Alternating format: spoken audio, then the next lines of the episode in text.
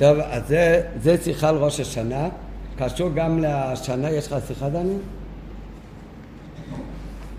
קשור במיוחד השנה שזה ראש השונה שלך להיות בשבת, קביעו כמו השנה, מאיזה יום ראש השנה כולם יותר מתרגשים? אה? אה, יהודה אומר שמיום ראשון, כי הוא למד היום את המים, היום ראש השנה שלך להיות בשבת, לא תוקעים, מכיוון שכל העניינים נפעלים על ידי שבת מלמעלה על ידי התענוג. נראה בהמשך, אבל, אבל האמת שגם קצת ביום השני, למה? כי, כי ממה הכי אה, כל אחד מתרגש בראש השנה? מתקיעת שופר. השנה ביום הראשון של ראש השנה אין תקיעת שופר. כן? זה רק, זה זיכרו עם תרועה, לא, לא יהיה עם תרועה, זה זיכרו עם תרועה היום הראשון. היום השני יש אה, תקיעת שופר. אז כאן בשיחה הם מסביר גם התוכן של ראש השנה, ומה מיוחד בראש השנה, שתי ימים של ראש השנה לג... לעומת שאר הימים טובים שגם יש בו שתי ימים, אבל באופן אחר, וגם מה המעלה של יום טוב שני של ראש השנה, מיוחד בשנה כזאת לגבי יום הראשון של ראש השנה. נתחיל מבפנים. יום טוב שני של ראש השנה חלוג מיום טוב שני של שאר ימים טובים, בשייכותו ליום טוב ראשון ולעצם תוכנו ועניינו אחר. כמובן, מהלכה למעשה, שבה משתווים כל ישראל, מה כאן הלכה למעשה משתווים כל ישראל? הרי יש העניין הזה שראש השנה צריכה להיות בשבת, לא, הם, אה, זה, הם, אה, ההבדל בין יום טוב שני של ראש השנה לשאר שתי ימים שיש, אז זה... אה?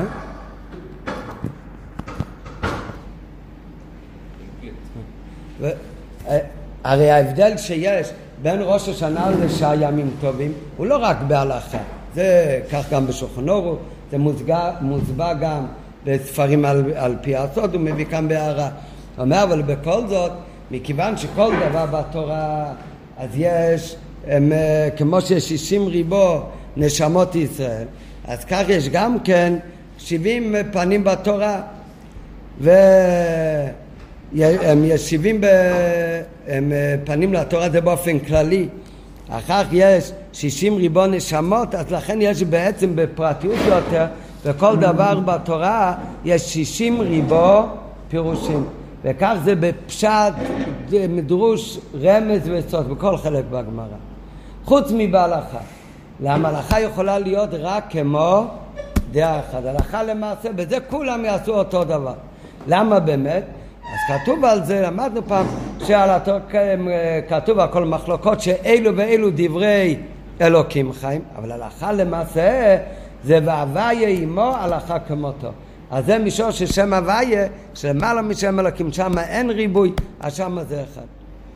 לכן הוא מדגיש שהעניין הזה שיש הבדל בין ראש השנה, שתי ימים של ראש השנה, לבין שאר שתי ימים של שאר הימים טובים, אז איפה זה מתבטא? מביא שזה מתבטא גם בהלכה. שזה שזה מתבטא בהלכה, אז זה מראה שזה עניין ששווה לכל בני ישראל. כי הלכה הוא בעצם כולם אותו דבר. איפה רואים את זה בהלכה? אז כל מי שסיים כבר את הלכות ראש השנה, סיימת? מישהו כבר התחיל הלכות יום כיפור? אה? אמרנו שאם לא גומרים מראש, אחר כך לא יהיה זמן לסוכס, להלכות. אבל הסוף של הלכות ראש השנה, אז יש שם סימן שלם, אדמו"ר הזקן מסביר, בהתחלה מסביר באריכות גדולה, למה באמת יש הבדל בין ראש השנה לבין שאר הימים טובים, שראש השנה הוא שתי ימים, גם אפילו בארץ ישראל בכל מקום. מסביר שזה היה, כשהם מקדשים על פי הראייה, דבר ראשון, למדנו עכשיו ב... הם, הם אה, הלכות קידוש החודש, מי שלמד, אבל אני זה באחרון שילמדו, עדיף פרק אחד, אבל החודש היו קובעים לפי זה שהעדים ראו את הירח, את הירח החדש.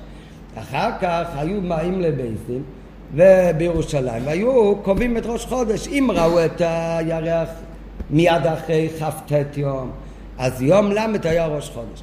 אם הם לא ראו את הירח, יכול להיות כי עוד לא אפשר לראות בכלל, יכול להיות גם שהיה מעוניין ולכן לא ראו, אז אותו יום עוד לא היה ראש חודש, ואז היה החודש הזה שלושים יום, ולמחרת היום הל"א הוא היה ראש חודש, הוא היה א' של חודש הבא. כך היה כל חודש, איך ידעו מתי היה ראש חודש? רק בראש חודש ידעו, הגיעו העדים וקבעו בבית דין.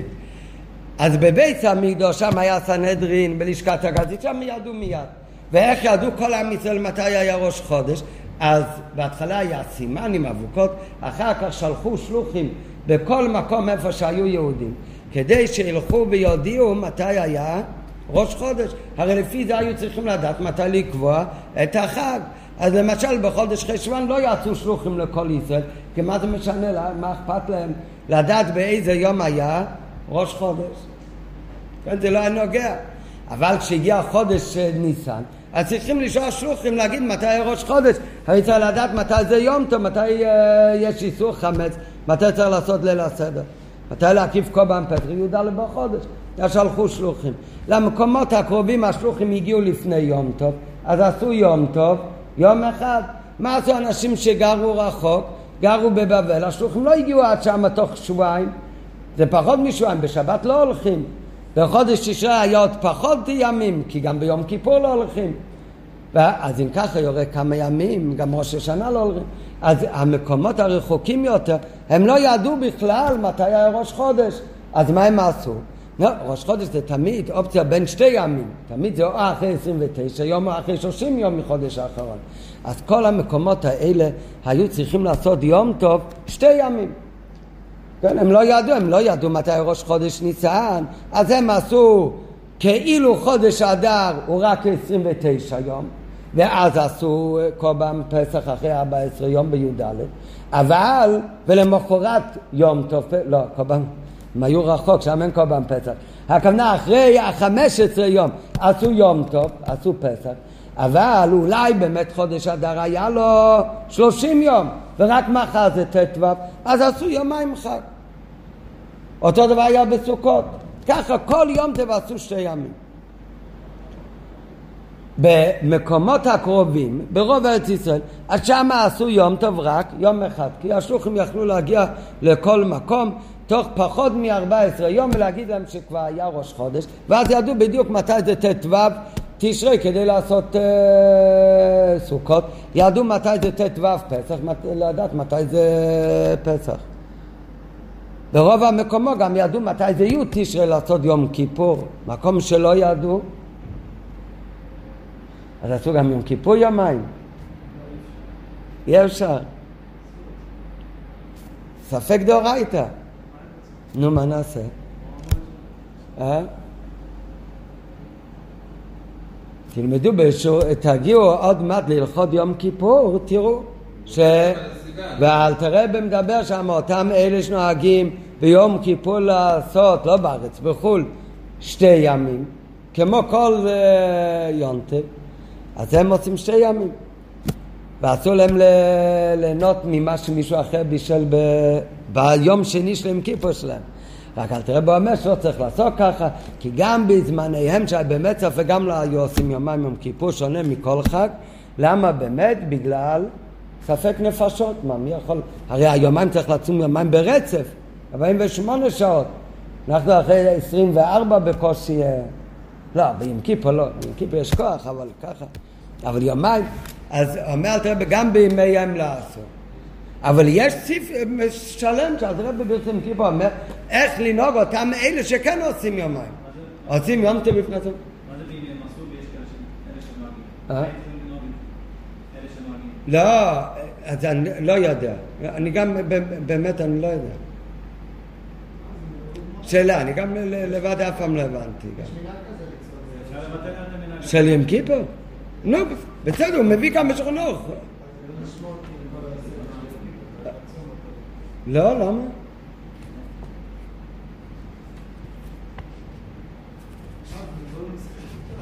אותם עושים שני ימים יום כיפור, אפילו הם עשרה ביחד, אף על פי כן לא ישנו מתפילות החול. שכל המתפלל תפילה שלא תקנו חכמים, הרי זה מברך לבטלה. ולא תיקנו את התפילה הזאת ליום הזה. אבל הם הולכים עם נעלי בד, עשו להם גם להתרחץ, זה לא רק לצום, זה ים כיפר. סליחס ופיוטים יאמרו כרצונם. יגידו שמע כלינו. ישירו אבינו מלכנו. עושים הכל. רק את הנוסח, התפילה שמונה עשרה לא יעשו שלם כיפר. סימן תופרש חוב ד'. טוב, סטינו מהעניין, בואו נתקדם בשיחה. אז, אז, אז, אז מה היה מיוחד בראש השנה? ראש השנה זה היום טוב היחיד, מתי התאריך של היום טוב? א', בראש חודש, א' תשרי. בחודש השביעי באחד לחודש. אז ראש השנה לא רק במקומות הרחוקים לא ידעו באיזה יום זה יום טוב, אלא ראש השנה, גם מי שהיה גר בתל אביב לא ידע מתי זה ראש השנה, כי הרי ראש השנה זה בראש חודש. אז אנחנו גרים בתל אביב, סופרים מאלול, בזמן הבית ספרו מאלול, זה לא רק בזמן הבית, המשיכו לקדש על פי הראייה עד זמן הגמרא, כך אומר, אז, אבל באותו זמן אז ספרו מחודש אלול, אז אנחנו ספרנו 29 יום. ועשינו ראש השנה, לך תדע, אולי עכשיו זה, אולי ראו את הירח, ועכשיו זה ראש השנה, עושים יום טוב. אבל מה, לך תדע, אולי לא הגיעו השלוחים, אולי לא הגיעו העדים שראו את הירח אחרי 29 יום, ואז מתי אה, ראש השנה רק? למחרת. אז ראש השנה זה היום טוב היחיד שלא רק במקומות הרחוקים אלא גם בכל ארץ ישראל תמיד עשו שתי ימים. המקום היחיד שעשו רק יום אחד זה היה ממש בירושלים, איפה שהגיעו העדים, איפה שקבעו את החודש. והאמת יותר מזה, אפילו בירושלים, אז גם בבית המקדוש ראש השנה היה יוצא מן הכלל, עשו לפעמים גם שם יומיים. למה?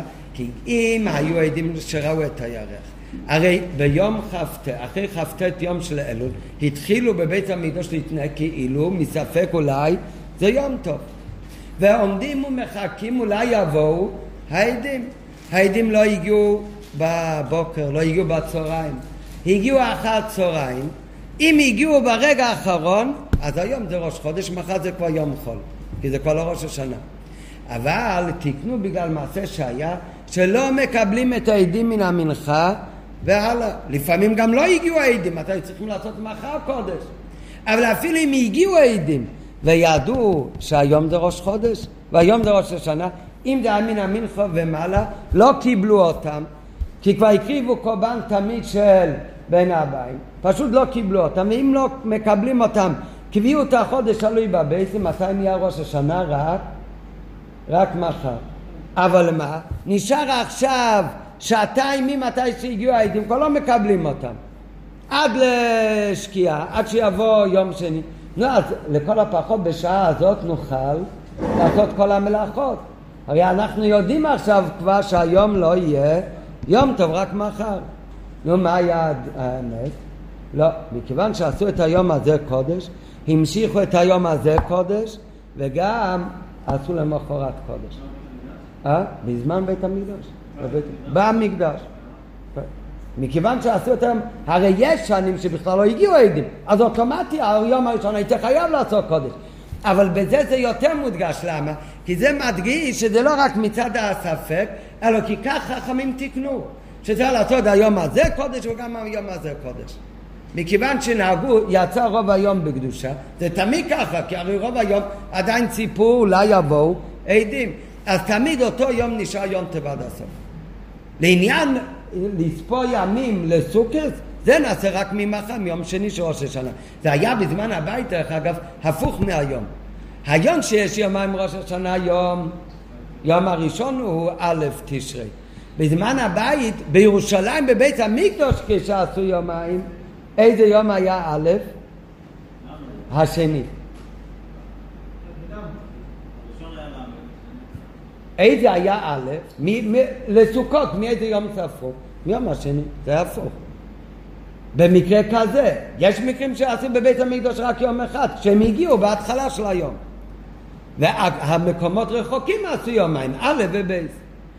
אבל מכיוון שראש השנה הוא חריג מכל שהיומים טובים, שגם בארץ ישראל תמיד עשו יומיים, ואפילו בבית עצמו גם עשו לפעמים ימיים, אז גם הלכתית זה שונה הימיים האלה משתי ימים של סוכות. שתי ימים בסוכות, לכתחילה עשו אותם רק מ... מספק. גם במקומות הרחוקים אף אחד לא חשב שיש מושג של שתי ימים יונטב. יש יום אחד יונטב. רק מה, אני לא יודע איזה הוא. זה בעיה בי, אנחנו לא יודעים. נו, אז מספק, מספק צריך לעשות שתי, שתי ימים קודש. בראש השנה כשעשו שתי ימים בבית המקדוש, אז זה לא היה מספק. זה היה ודאי. ביום הראשון עשו יונטב וזה היה ודאי יונטב. עובדה שגם אם לא הגיעו העדים עד המנחה והלאה, אז לא אמרו, טוב, אם ככה הרי אני עכשיו יודע את האמת. ממשיך קודש. יום השני גם כן קודש.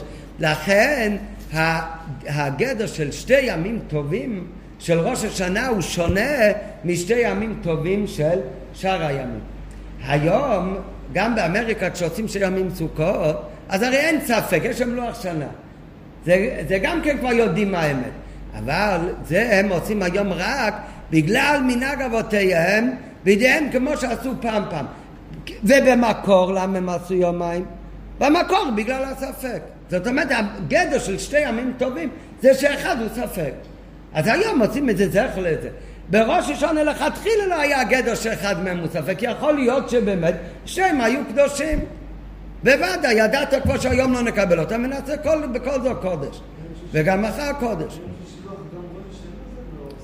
אה? אבל בכל זאת גם היום יש הבדל. אף על פי שהיום לכאורה, גם בסוכות כתוב ט"ו, ויום שני של סוכות בחוץ לארץ כתוב ט"ז, וגם בראש השנה, א' בראש השנה כתוב א', ויום שני כתוב ב'. זאת אומרת, בזמן הזה הרי הכל הוא לכאורה אותו דבר. בכל זאת, עדיין יש נפקא מינה בין ראש השנה לשאר ימים טובים. למה? כי מכיוון ששתי ימים טובים מלכתחילה הם היו כמו שתי קדושות. מה הכוונה שתי קדושות? או זה קדוש או זה קדוש. אז גם אם הם ברצף זה כמו שתי קדושות נפרדות.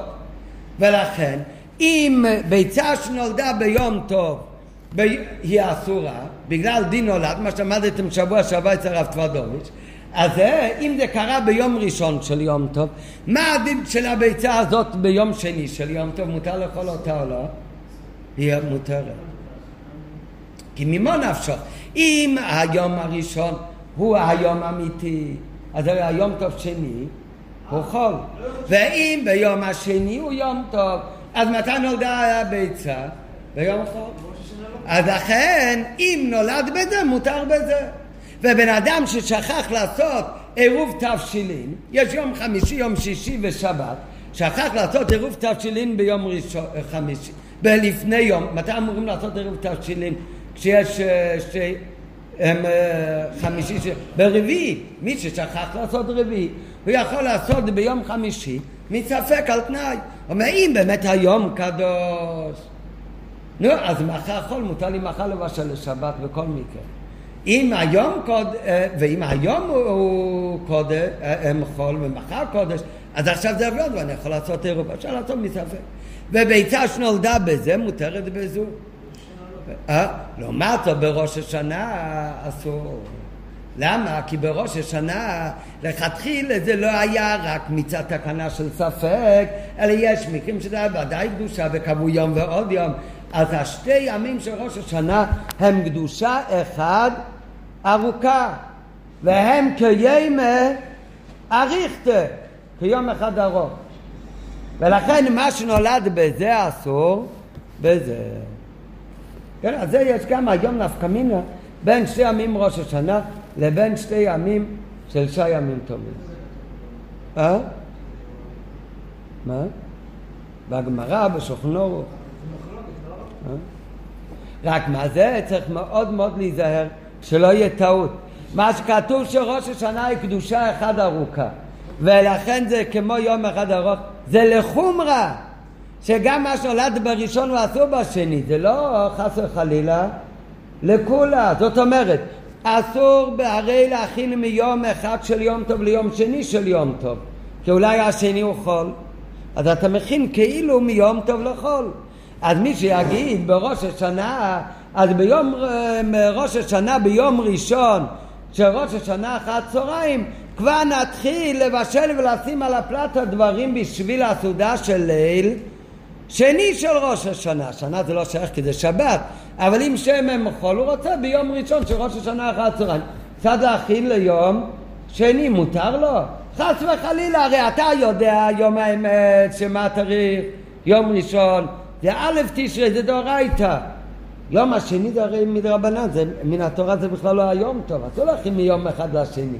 מה שאומרים שזה קדושה אחת ארוכה זה לחומרה, שאין את הקולס של שתי ימים טובים. את החומרה מיום ליום זה בוודאי נשאר. אז זה יש הבדל בין ראש השנה לבין שאר כל הימים טובים. שהנולד והנחלב ביום א' של ראש השנה, שיש בזה איסור נולד, הוא אסור גם ביום שני של ראש השנה. מה שאין כן בשאר ימים טובים, אז שני מותר ממו נפשוך, כי אם היום הוא ככל, כי אתמול היה יום אמיתי קודש, אז מותר לי מה שנולד ונחלב אתמול. ואם הפוך, אתמול היה חול, אז זה לא מכין משבת לחול, זה מכין מחול לשבת, ליום טוב. והטעם בזה הוא, למה באמת ראש השנה זה שונה? לפי ששתי ימים של ראש השנה הם כיום ארוך אחד. טוב. מה? למה ראש השנה שונה? לא, הסברנו עכשיו עשרים דקות. מכיוון שכל שאר ימים טובים עשו אותם שתי ימים רק במקומות הרחוקים מספק, וראש השנה היה לפעמים גם בבית המקדוש קדושה אחת ארוכה של שתי ימים אפילו שידעו את האמת. אז זה נפקא מינה גם היום להלכה. זה על פי ניגלה.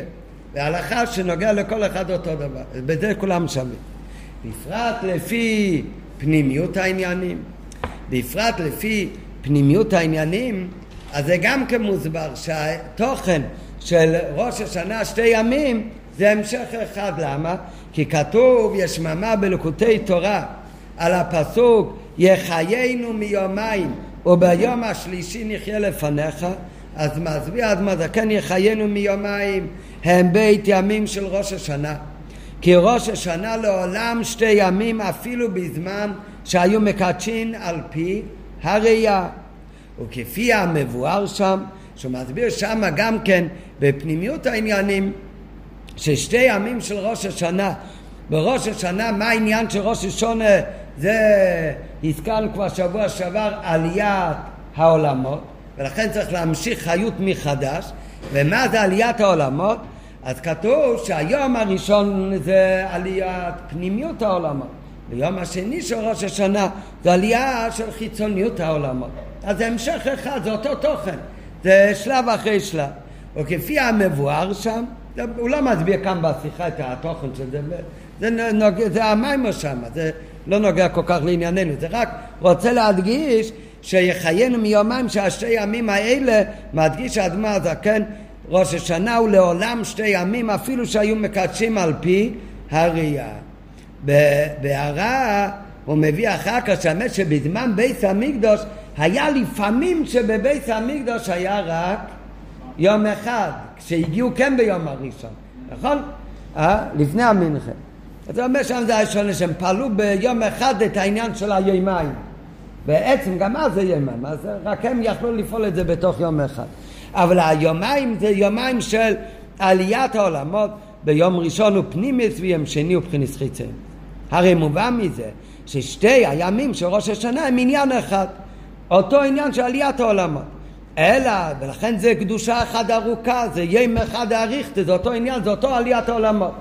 אלא שבעניין זה גופה יש פרטים, שביום הראשון זה פנימיס אלמס, ביום השני זה בחיצניס. והנה, שהאיכות זו של יום שני של ראש השנה ליום הראשון ולעצם עניינו של ראש השנה. זאת אומרת, כמובן, גם בפסח, היום האחרון של פסח עדיין קשור לפסח מצד הספק. אבל זה לא קשור לתוכן של יום טוב כמו הימים הקודמים, כי זה שתי קדושות, זה כאילו פחות, זה הכל מצד הספק. בראש השנה שהכל הוא קדושה אחת, אז היום טוב שני הוא קשור לתוכן של ראש השנה בדיוק כמו יום הראשון. והנה שייכות זו של יום שני של ראש השנה ליום הראשון, שזה קדושה אחת ולא מנותקים, ולעצם עניינו של ראש השנה, ולכן הוא גם קשור לעצם עניינו של ראש השנה, יותר ממה שכל יום טוב שני מספק קשור לתוכן של היום טוב. אז זה ניכר ומתבטא, המעלה הזאת ניכרת ומתבטאת ביתר שאת בקביעות דשנה זו, כשיום טוב של ראש השנה חל להיות בשבת לכמה.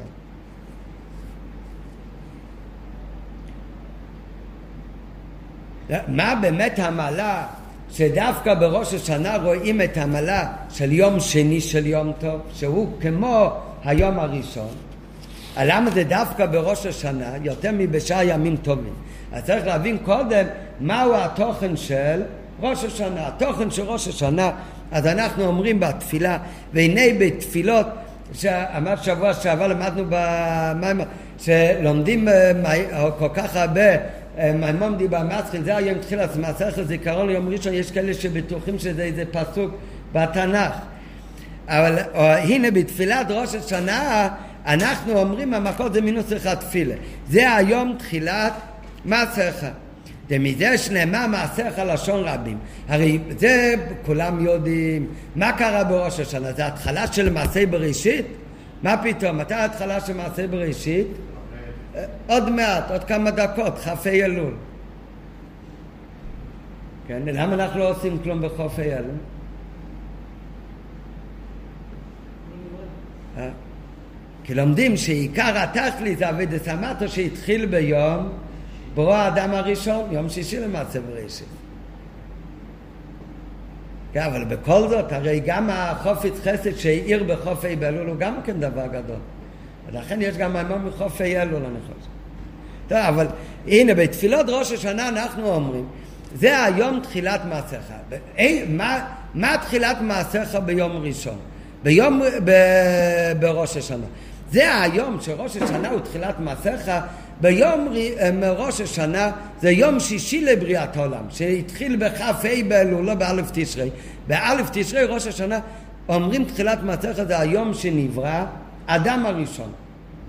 רק מה? מעשיך, מעשיך זה לשון יחיד או לשון רבים? רבים, איך אתה יודע שזה לשון רבים? יש יוד. מעשיך עם יוד זה כמו מעשים שלך. נו, לשון רבים. אז אם אומרים על ראש השנה, זה היום תחילת מעשיך לשון רבים. זאת אומרת, כל המעשים של הקודש ברוך הוא, כל הבריאה, אומרים עליה בראש השנה שזה היום התחילה שלו. ומזה שנאמר מעשיך לשון רבים מובן, שזה היום אינו רק תחילה לבריאתו הפרטית של האדם, שהוא נברא בראש השנה, אלא שראש השנה הוא תחילת כל מצב של הקודש ברוך הוא. גם אלו שנבראו בחמשת הימים שקדמו לבריאת האדם, כמבואר בארוחה בדרושי ראש השנה. מה באמת ההסבר? אז במאמרים יש כל מיני הסברים שבאמת ההתחלה של ה... אנחנו אומרים בראש השנה זה לא רק ההתחלה של, של האדם הראשון זה היה ההתחלה של האדם הראשון כפשוטו אז נברא ב... ובאותו שנה באמת מתי נברא שמיים ואורץ וכל המעשה בראשית? בשישה ימים לפני אודם הראשון כל דבר, מה שנברא באותו יום בבריאה שלו. אז למה אומרים היום על כל הבריאה זה היום תחילת מעשיך, אפילו על הדברים? זה אנחנו אומרים היום. בפעם הראשונה שנברא העולם, אז אור וחושך נברא בחופי באלול. הרוקיע נברא בחבב באלול. ועד אודם ראשון הוא נברא באלף תשרי, יום שישי למעשה בראשית. אבל היום, בשנת תש"פ, תשפ"א, אז כל שנה מחדש הקדוש ברוך הוא מביא חיות חדשה לבריאה. החיות של העולם, כתוב בתניא מסתלק בעלות המנחה בערב ראש השנה, ובראש השנה נמשך חיות חדשה על כל השנה. למי? לבן אדם או לכל הבריאה? לכל הבריאה. ולכן אומרים, זה היום תחילת מעשיך. ומכל שנה בראש השונה זה התחלה, לא חיות חדשה לנשמות ישראל, זה תחילת מעשיך של כל הבריאה. היינו שהתחדשות הבריאה שבראש השונה היא לא רק עניין המיוחד לאדם בלבד, אלא שהוא כולל כל העולמות וכל צדי שלשלות. לא כולל רק הבריאה של קלמה, גם כל צדי שלשלות. ועם כל זה, הרי כל התחדשות של העולמות היא ביום ברו האדם. כל שנה מחדש נמשך חיות לכל העולם. לכל העולמו גם כן. כל צדי שלשלות מתחדש כל שנה. אבל מתי זה מתחדש? זה לא מתחדש כל שנה מכ"ה באלול עד א' תשרי, אלא זה כל שנה מתחדש, הכל מתחדש בראש השנה באלף תשרי. והטעם בזהו תכלית כל ההשתלשלות והעולמות והצמצומים והמסכים והפרסאות זה לא הולך רק על העולם אלא העולם זה כולל גם מכל צדי השתלשלות עם כל המדרגות של הקדושה אצל ספירס והמסכים ופרסאות הכל הוא בכדי שיתהווה עולם הזה התחתון. דנתהווה הקדוש ברוך הוא ליאס ליזבורך דירה בתחתינו. כן, עכשיו כאן יש אה, דרך אגב הסבר בעניין של דירה בתחתינו. מה הכוונה של המשפט נתהווה הקדוש ברוך הוא להיות לו יתברך דירו בתחתינו, שמצד אחד אומרים יתאווה הקדוש ברוך הוא, שזה עניין של תאווה, שאין בזה טעם. אחר כך אומרים לכאורה הסבר, שהוא רצה שיהיה דירו דווקא בתחתינים, נראה עוד רגע. אז זה הוא מסביר מה זה הטון של דירו בתחתינים. אחר כך, אחרי ההסבר הזה, הוא נבין גם כן שלמה התוכן של דירו בתחתינים תלוי דווקא במעשים של... אה? של האדם של בני ישראל. ולכן באמת, הרי הכל נברא בשביל דיר בתחתינים. אז הכל בעצם תלוי שזה הכל יהפוך לדיר בתחתינים על ידי עבודת האדם. אז נכון, בפעם הראשונה בגשמיס נברא קודם הדברים האחרים. עד שבסוף נברא, כל דבר נברא בזמן אחר. אבל כשאנחנו מדברים עכשיו, כל שנה ושנה נמשך חיות חדשה בעולמות. וזה בשביל שהדיר בתחתינו שזה תלוי בעבודת האדם. אז באמת כל הבריאה תלוי בעבודת האדם, ולכן באמת על ראש השנה אומרים זה היום, לא תחילת אדם הראשון, אלא כל שנה זה היום תחילת מעשיך של כל הבריאה. רק בפעם הראשונה הבריאה בפועל הייתה כמה ימים קודם כדי שהאדם הראשון ייברא והכל יהיה כבר מן המוכן. אבל אחר כך כשהתחיל עבד שיהיה דיר בתחתינים וזה נעשה דווקא על ידי עבודת האדם אז ממילא גם כל עבודת, גם כל העולם שנברא בששת ימים לפני האדם הראשון גם אצלו כל שנה הבריאה מחדש ההתהוות מחדש זה היום תחילת מעשיך מתי הוא? ביום ברוא האדם הראשון דווקא רק לפני זה, אז הוא מסביר כאן, בנוגע לעניין הזה, שיתהווה הקודש ברוך הוא להיות לו יתברך דירו בתחתינים, אז רואים בזה שתי עניינים. מצד אחד אומרים שזה מה שאינו ידוע מושג. יש כאן פרט אחד, מה שאנחנו לא יודעים ולא יכולים להשיג. מה אנחנו לא יודעים ולא יכולים להשיג? למה הקודש ברוך הוא ברא את העולם? לא יודעים למה.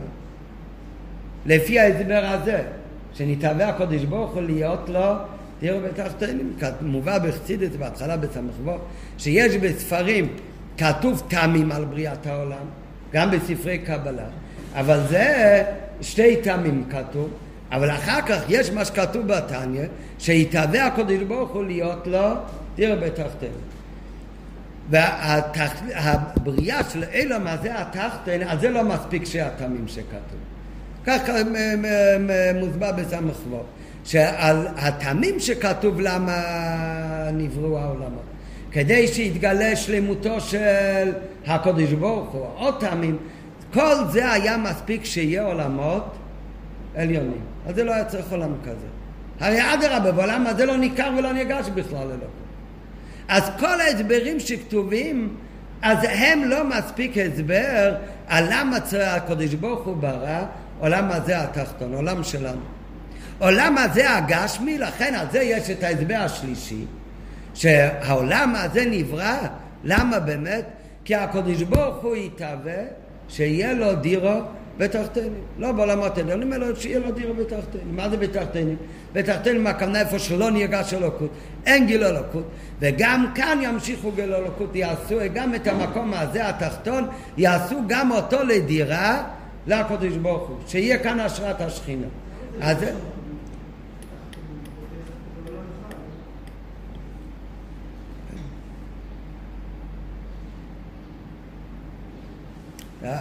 אילם הזה זה, זה אילם הקליפה, זה לשון רבים.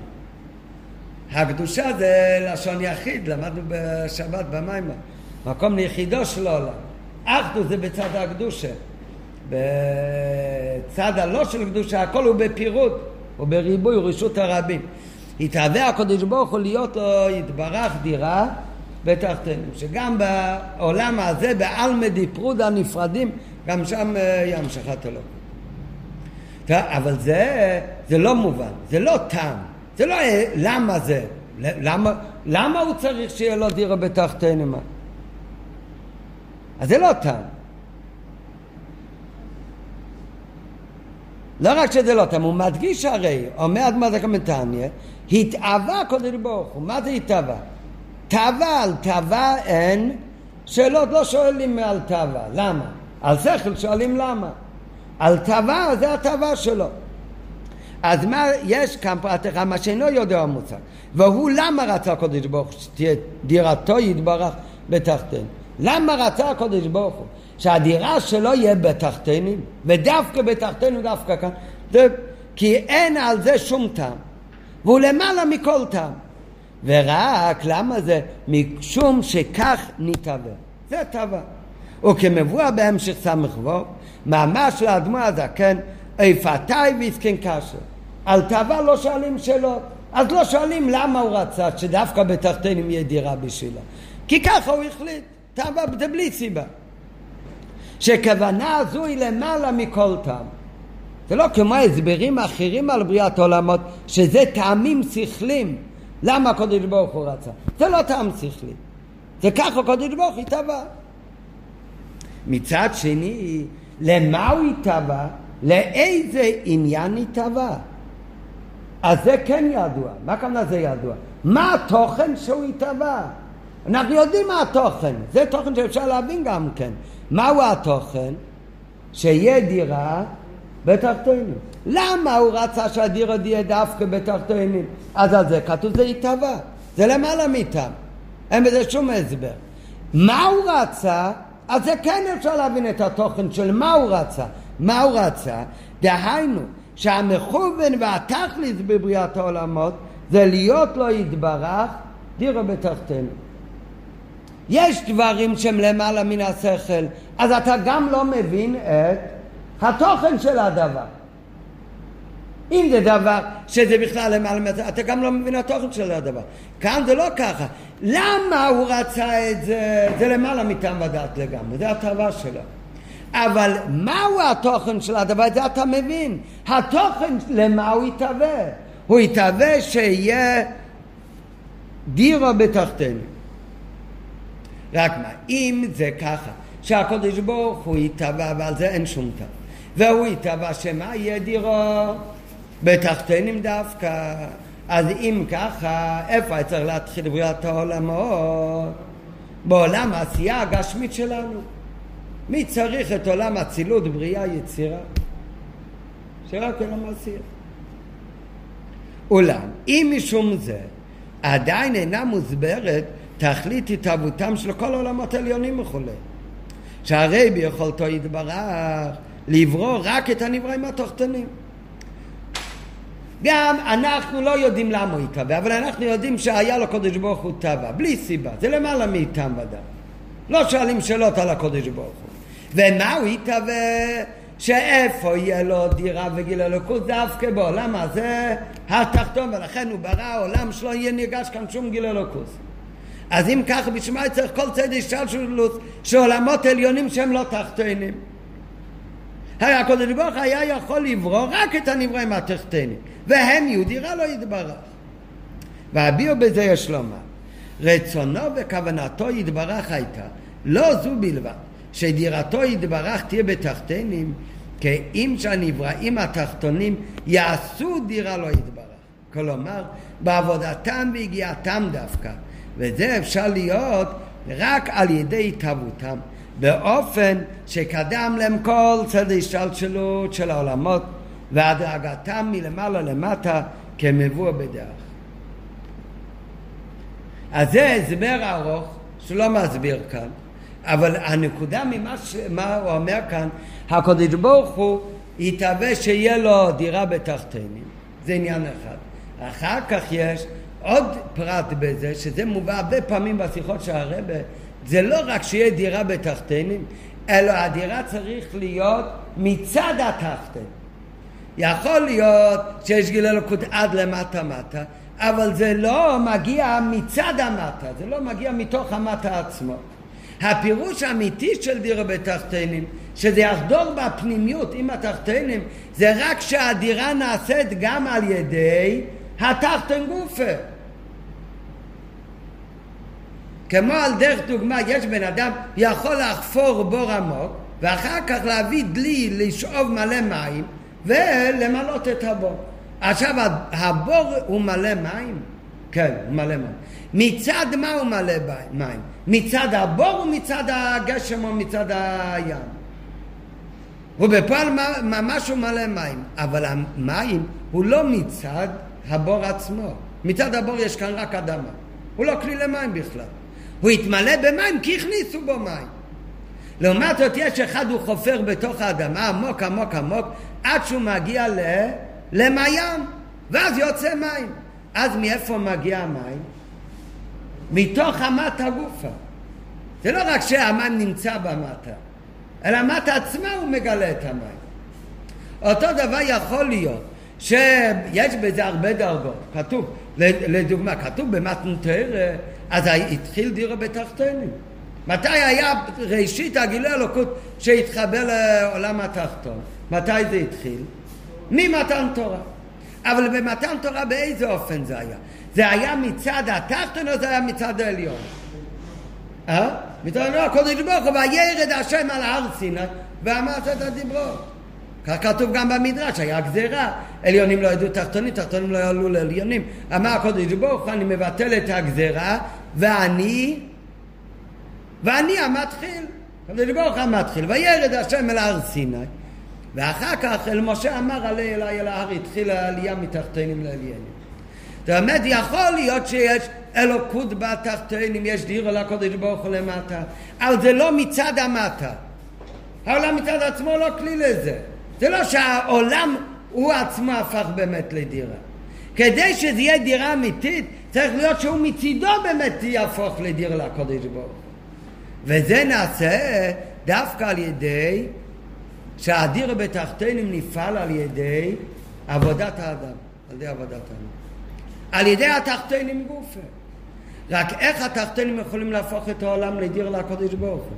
הרי כל הגדר של כל הטייבה שהדירו בתחתינים. אז מה הגדר שלו צריך להיות שהוא יהיה תחתן, שהוא מנותק בכלל? נו, אז אם הוא באמת מנותק, הוא באמת תחתן שלמטה ממנו, אז איך הוא מצד עצמו יכול להפוך לעליינים? איך הוא עצמו יכול להפוך את עצמו לדיר לקודש ברוך הוא?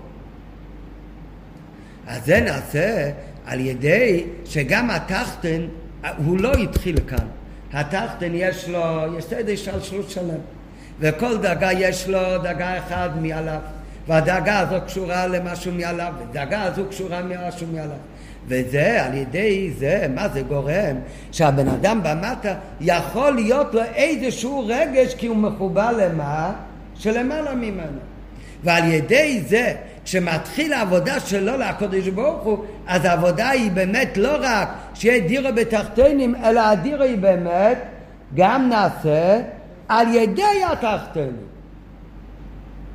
אבל בשביל זה שהדיר הזה יכול להיות על ידי העבודה שלו, צריך להיות שהוא יהיה מחובר למשהו, גם אם הוא תחתן שיהיה מחובר למשהו, למעלה ממנו. כי אם לא, הרי לא יכול להפוך מהתחתן לעשות את זה לדירה.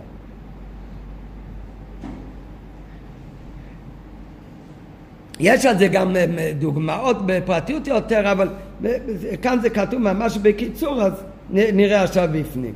כלומר, והביאו בזה יש לומר, הרצון והכוונה של הקודש ברוך הייתה.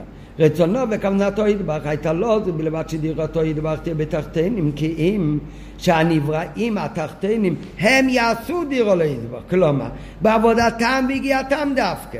וזה אפשר להיות. איך יכול להיות שאני על ידי היגיעה שלי עושה דירו? אני מה, אם הגדר של התחתן הוא יהיה רק תחתן מנותק מכל דבר אה, עליון אז כמה שיהיה יגיע הוא יישאר תחתן הוא לא יעשה דירו. וזה אפשר להיות רק על ידי התהוותם, שההתהוות של כל העולמות של התחתנים זה באופן שקדם להם כל שלשו של אלה מצווה דאגתם מלמעלה למטה כמבוא בדעה.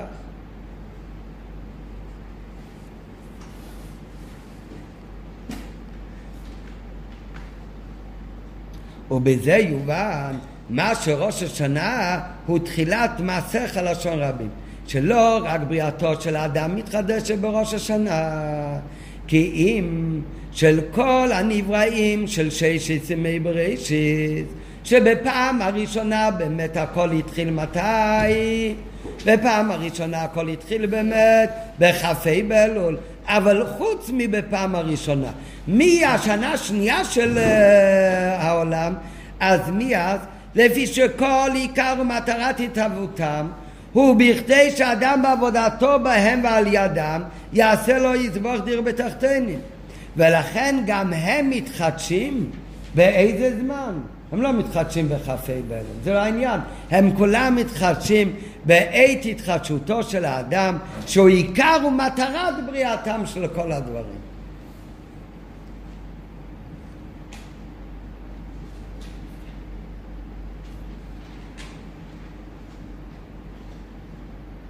רק מה, לפי זה היה מתאים שגם בבריאת העולם, שכל העולם ייברא ביחד עם הבן אדם. אדם זה רק היום ככה בראש השנה? בסדר. הכל, הכל ביחד. ואף שגם בתחילת הבריאה. הרי כל כוונת התהוותם של הנבראים הייתה רק בשביל עבודת האדם. ולכן לכאורה היה מתאים שהם כולם ייברו עם האדם, כי בלי האדם אין להם שום תכלית. כי התכלית של דיר בתחתינים זה רק נעשה על ידי התחתינים, על ידי נשומת ישראל. ועם כל זה, לא נבראו בו בזמן שנברא אדם. וכל זה בפעם הראשונה. גם אז הקדוש ברוך הוא ברא שמיים ואורץ בפעם הראשונה לצורך מה שהדיר בתחתינים. וזה נעשה רק על ידי עבודת האדם, ובכל זאת הם נבראו לא ביחד עם האדם, אלא קודם לא. זהו לפי שאז, בראשית בריאתם, ורק בפעם הראשונה, הרי הם עדיין מבחינת הכנה ויכולת לתכליתה הסופית של בריאת האדם. דהיינו שכוונת התהוותם היא בזה שהאדם ימצא אחר כך הכל מן המוכן לעבודתו. מה שאין כן בית התחדשות של הבריאה, שלאחרי זה מדי שנה בשנה, ובפרט לאחרי מתנתר, שאדם כבר עובד עבודתו. ובזה הלא הוא כבר נעשה בפועל תכליתם של כל הברואים. לכן גם התחדשותם תלויה בעיקרם ותכליתם האדם. בפעם הראשונה שנברא העולם, אז באמת נבראו הנבראים בכ"ה, בכ"ו, כ"ז. הנבראים אז נבראו, זה היה רק להכנה לתכלית שלהם. באמת זה היה כאילו חצי בריאה שלהם. זה עוד לא היה יכול להיות, לא רק שלא היה בפועל העניין של דירה בתחתינים, כאילו היה מי שיכול לפעול מצד התחתן העניין של דירה לקודש ברוך הוא, אלא זה לא היה שייך בכלל בכוח, כי הרי לא היה עדיין אדם הראשון. אז הם אז באמת נבראו בהבריאת העולם מחובי באלול. זה היה הכל הכנה של התכלית שלהם. התכלית שלהם אבל מתי התחיל באמת? רק באלף תשרי. רק מה? זה לא צריך לקרות ביחד עם אה, בריאת האדם הראשון. למה?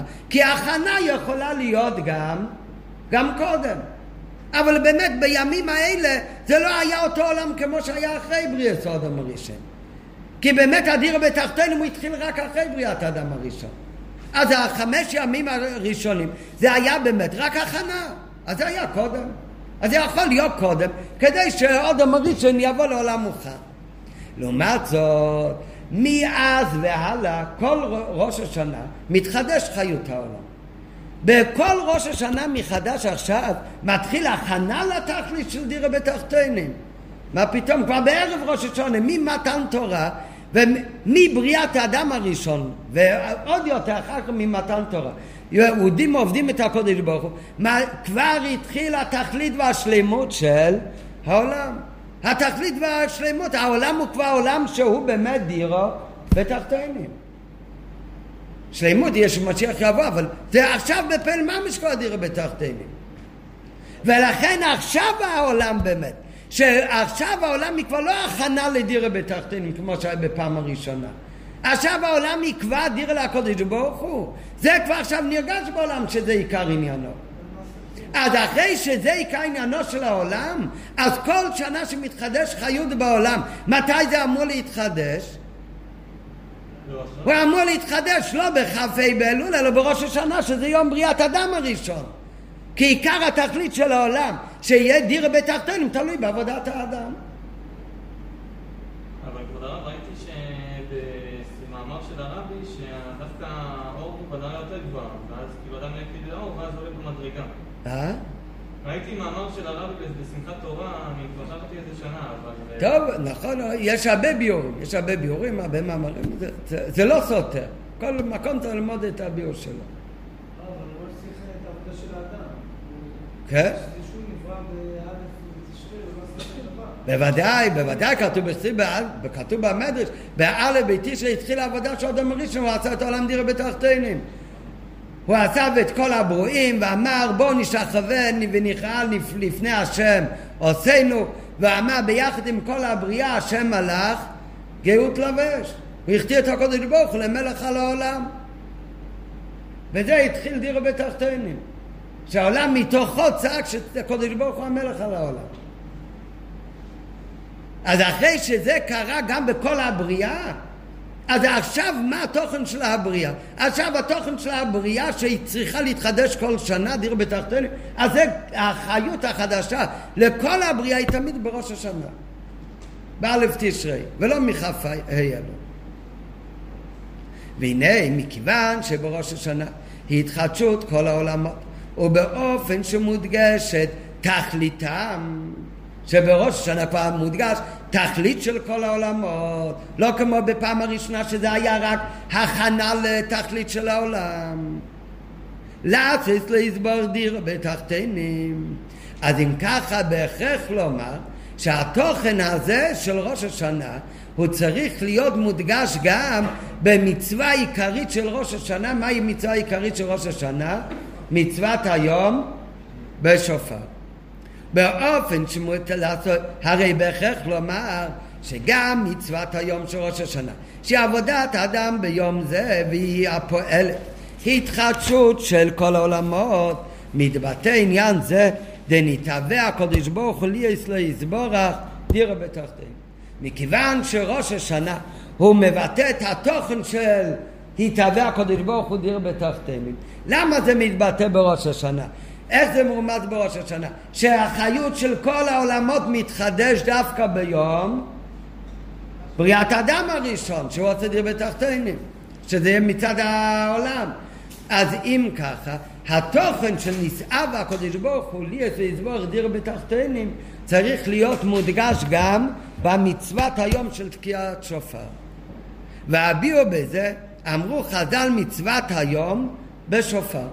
אבל איפה אנחנו רואים במצוות היום בשופר את התוכן הפנימי שאמרנו מקודם שיתהווה הקודש ברוך הוא לסבור דיר בתחתינו.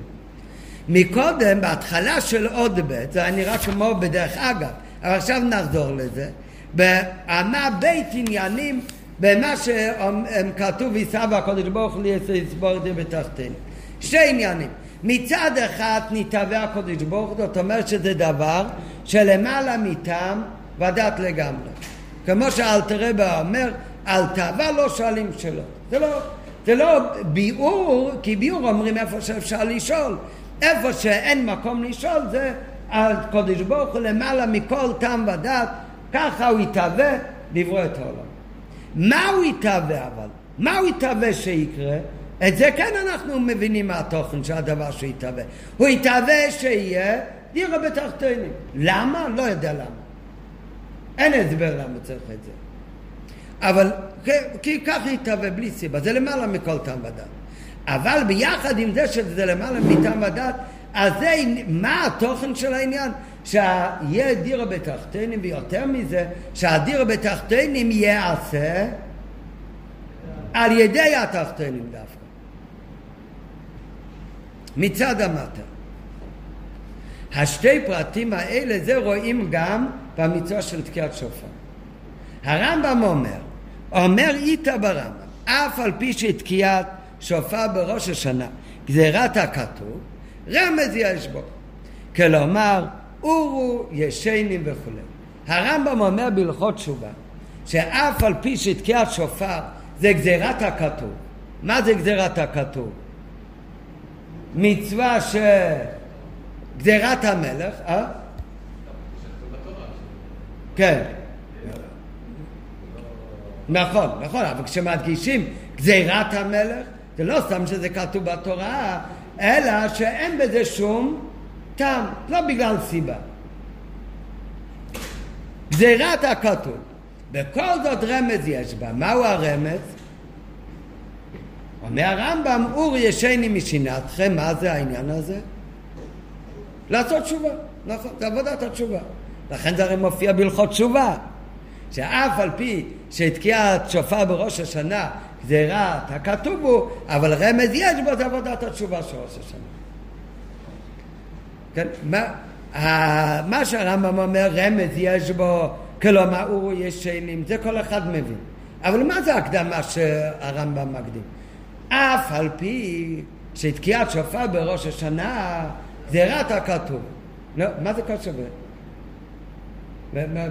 התקיעת שופר זה יכול להיות גזירת הכתוב, זה יכול להיות מצווה שכתוב על זה סיבה בפסוק, יכול להיות מצווה שכל אחד מבין את הסיבה, לא קוראים לזה גזירת הכתוב. גם אז המצווה יכולה לכלול בתוכה עוד כל מיני רמזים. כן? מה זה ההדגשה שהרמב"ם אומר? הוא מדגיש ככה. הרמב"ם היה צריך להגיד, מצוות תקיעת שופר בראש השנה, רמז יש בה, אורו ישני משינסכם. הרי זה מה שהוא רוצה להגיד, מה הוא רוצה להגיד? שעשה את זה מתשובה זה ימים מיוחדים לתשובה, ובראש השנה תקיעת שופר זה מרמז על עניין התשובה. מביא את זה בהלכות תשובה. כן, למה הוא צריך לתת את ההקדמה הזאת אף על פי שתקיעת שופר בראש השנה גזירת הכתוב הוא? הרי לכאורה, הרי חידושו של הרמב"ם כאן בהלכות תשובה הוא לומר, מה הוא רוצה להגיד לנו כאן? שתקיעת שופר רמז יש בה, שתשובה זה מרומז בתקיעת שופר. אורו ישנים תתעוררו מהקול של השופר, תתעוררו בתשובה. והוא עניין התשובה. מה, תשובה? טוב, זה הרמז כבר. אבל למה מקדים בהלכות תשובה? שמה הוא רוצה להגיד כאן, בפרט שזאת בהלכות תשובה? הוא רוצה להסביר לנו הרמז של תקיעת שופר. הוא אומר לי גם, תדע לך שבעצם תקיעת שופר זה מצווה שהיא גזירת הכתוב למעלה מכאן. אבל רמז יש בה, יש בה גם רמז שהשופר צריך לעורר אותך בתשובה. הוא מעורר אותך בתשובה. הטילים לפני כן מעורר. הטילים לפני זה מעורר אותו. טוב. כל אחד יש שם מה שמעורר אותו. אה, מה אתה אומר? מילא, מילא אם זה היה כתוב, מילא אם זה היה כתוב בהלכות שופר ברמב"ם, אז עוד היה מובן יותר. למה? הרמב"ם אומר, תדע לך, התשובה שמרומז בתקיעת שופר התשובה שמרומז בתקיעת שופר, זה רק רמז. אבל אתה תוקע בשופר, תדע לך, מצווה תקיע שפר הוא גזירת הכתוב. אבל הרמב"ם בהלכות תשובה, שכאן רוצה להגיד לנו שיש גם רמז במצוות תשובה, היה צריך להגיד, תקיעת שופר בראש השנה רמז יש בו אורו ישני משנתכם. במקום זה, מתחיל הרמב"ם ככה, תקיעת שופר בראש השנה, זה רק הכתוב הוא. תודה רבה, זה נלמד בהלכות שופר. אבל רמז יש בו, בכל זאת יש בו רמז על עניין התשובה. ולמה מקדים בהלכות תשובה שתקיעת שופר הגדרת הכתוב? בסיגנן אחר, כמו שאמרנו מקודם, אפילו אם תמצא לומר שתקיעת שופר יש בה טעם, אפילו אם נגיד שתקיעת שופר יש בו טעם, הרי יש גם מלא טעמים שכתוב על תקיעת שופר. כמו שכתב הריסג, הובא באבו דרם, כמה טעמים, אני חושב תשע, לא ראיתי, כמה טעמים, זה מובא בחסיס הרבה פעמים על תקיעת שופר. אחד מהטעמים שמובא הרבה, אה? גם אברסידס, שכשמכתירים את המלך על העם אז תוקעים בה פרץ אוצרות, אז לכן בראש השנה תוקעים בשופר, זה גם טעם. לא, גם אם יש טעם על המצווה של תקיעת שופר, ויש גם כמה טעמים, גם אז עדיין אפשר לומר שיש גם רמז בתקיעת שופר, שמהו הרמז? אורי, ישני משנעשכם. כן, למה רמב"ם צריך כאן להגיד? אף על פי שמצוות תקיעת שופר בראש השנה זה ארץ הכוסף הוא רמז יש בו אורי ישני. אפילו אם תמצוא לומר שתקיעת שופר יש בו טעם, אבל דרך מה שכתבו הריסה גובי ואבודרם, אפשר לומר בה גם רמז, כמו שמצינו בכמה וכמה מצוות. יש הרבה מצוות שיש בהם טעם, וטעם מפורש, ויש בהם רמזים למצווה. ועל כוכך צריך לומר שכל זהו חידושו של הרמב"ם.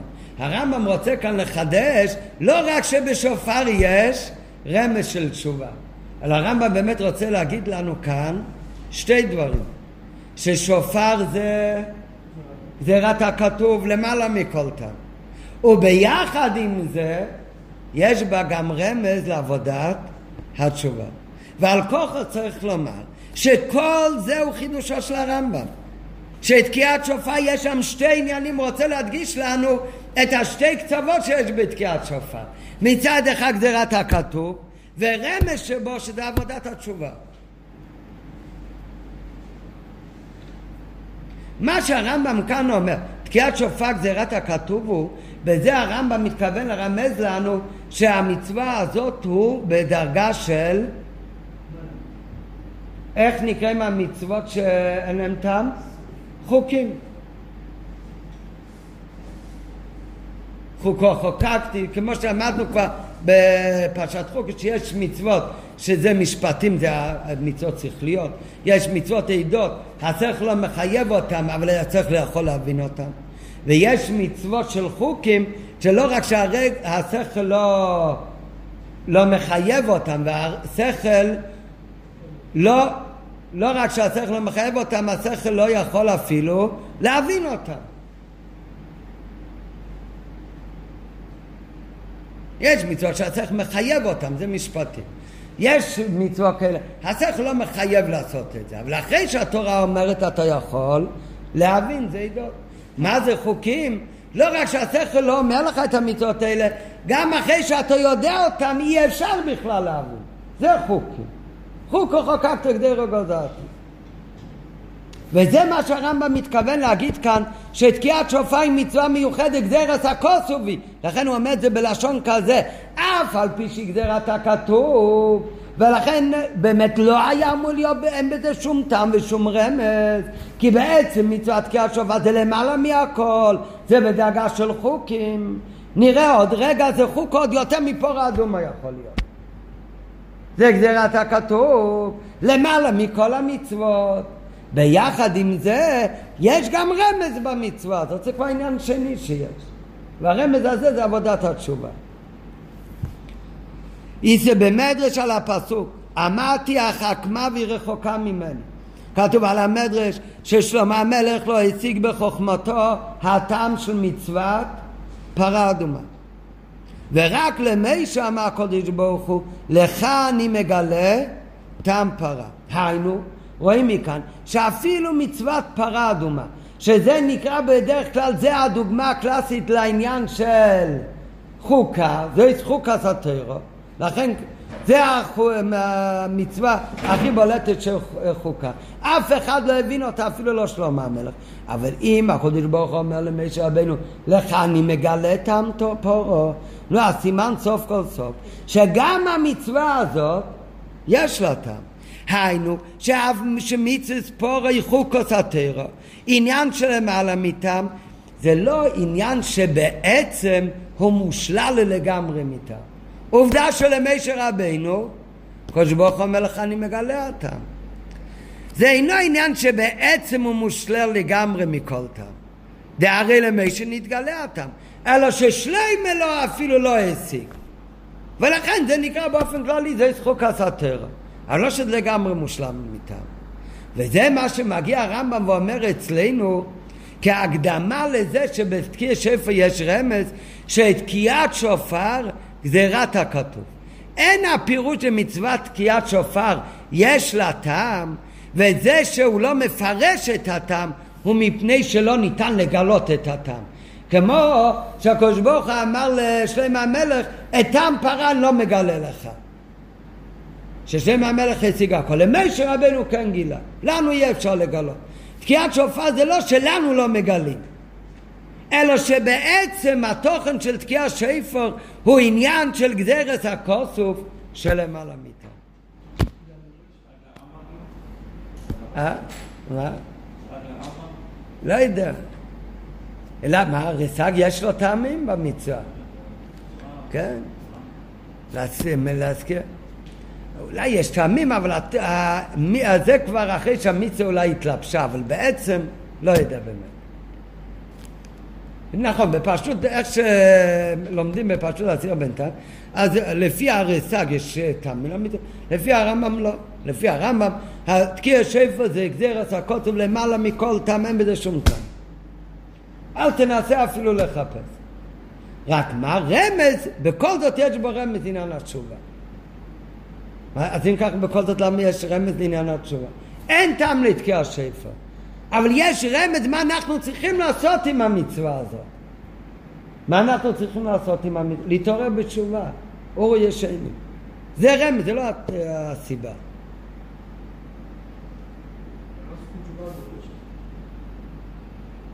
והטעם בזה, לפי שתקיעת שופר היא בדאגה נעלית מאוד, שלמעלה מכל שייכות לטעם ושכל. כן, על פי חסידס זה גם uh, מובן, כתוב בחסידס שתקיעת שופר זה, שתקיעת שופר זה הביטול העצמי של נשמה לקודש ברוך הוא, ולכן זה באמת יכול לעשות את התמניחוני שלמעלה מכל uh, דבר. טוב, אבל והטעם בזה לפי שתקיעת שופר היא בדרגה נעלית מאוד שלמעלה מכל שייכות לטעם ושכל. ועל פי זה נמצא שמצוות תקיעת שופר שהיא גזירת הכתוב, שלמעלה מהטעם לגמרי, אין בזה שום טעם. על, על, על זה אפילו לא כתוב למישר רבינו לך אני מגלה. נו, אז זה ממש דומה ל...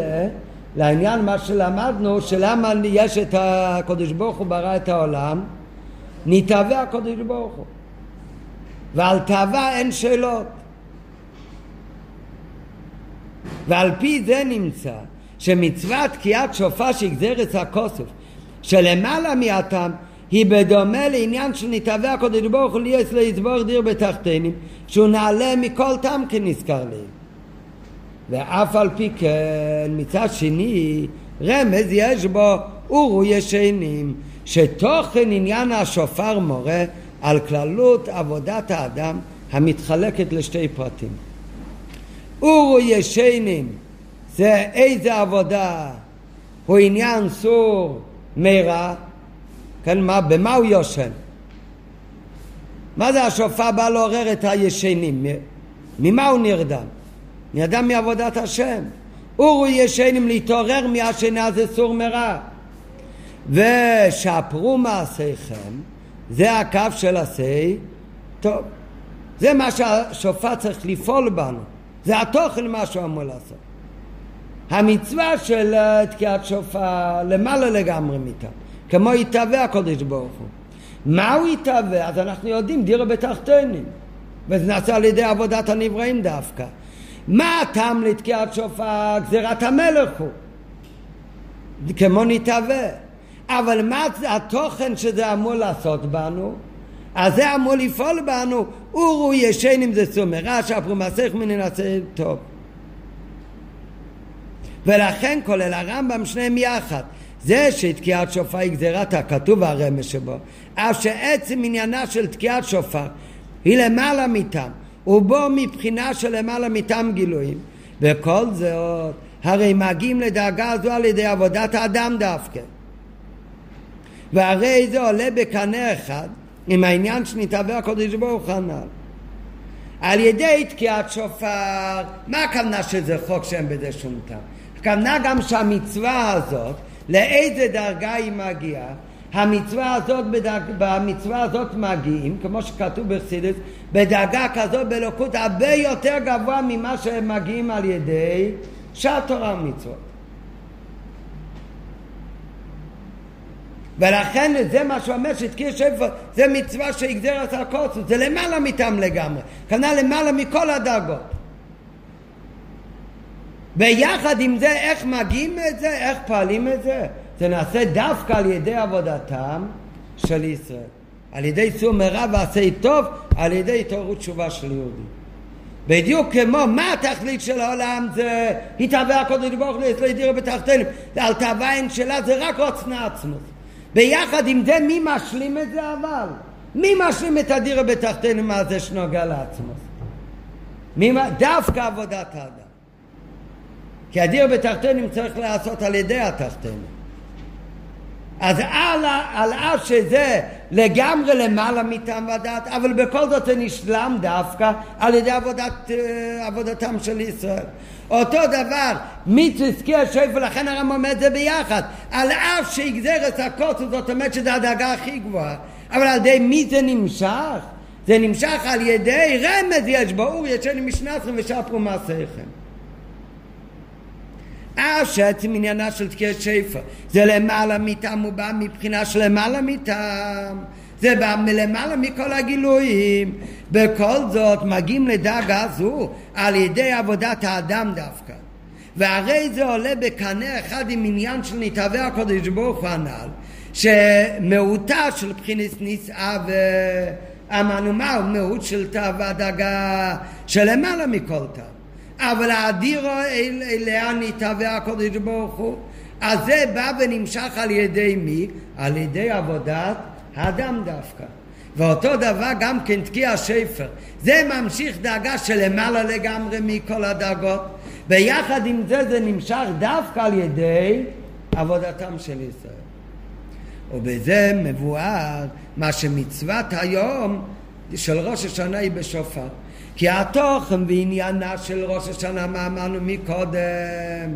שלמה אומרים בראש השנה זה היום תחילת מסך אפילו שהיה בחופי אלול. כי עיקר העניין של ראש השונה מודגש שכל הבריאה שהתחילה בחופי אלול תכליתה זה דירה בתחתנים על ידי האדם דווקא. ולכן על ראש השונה יום בריאת האדם הראשון על זה אומרים זה היום תחילת מעשיך החיות של כל העולם נמשך מחדש. באותו יום. אז העניין הזה של דירה בתחתינים, במה הוא מתבטא? אז זה מתבטא שהדירו לעצמות זה נעשה דווקא על ידי עבודה, דווקא מצד התחתינים. אותו דבר תקיע השפר, אז זה מכוון המצווה של שופר, שגם כאן יש גזרת הכוסוף, אבל רמז יש בעבודתם של ישראל אורו ישנים, אז זה מתאים לכוונתה ותכליתה של בריאת כל העולמות שנתהווה הקודש ברוך הוא שמתחדשת בראש השנה. אה, כאן למדנו הקשר בין תקיעת שופר, שזה מצוות היום של ראש השנה. אבל כאן הרי רוצים להדגיש בעיקר המעלה של ראש השנה לגבי שאר הימים טובים שיש שתי ימים והשתי ימים הם קדושה אחת ארוכה. שהיום השני מודגש בעניין של יום טוב יותר מביום טוב שני של שאר הימים טובים. וזה מודגש במיוחד בשנה שאמרנו שכמו השנה של ראש השנה שחל להיות בשבת. כאן זה מודגש עוד יותר ביום השני של ראש השנה. למה באמת? טוב, נמשיך מחר בעוד ד'. עוד ד'.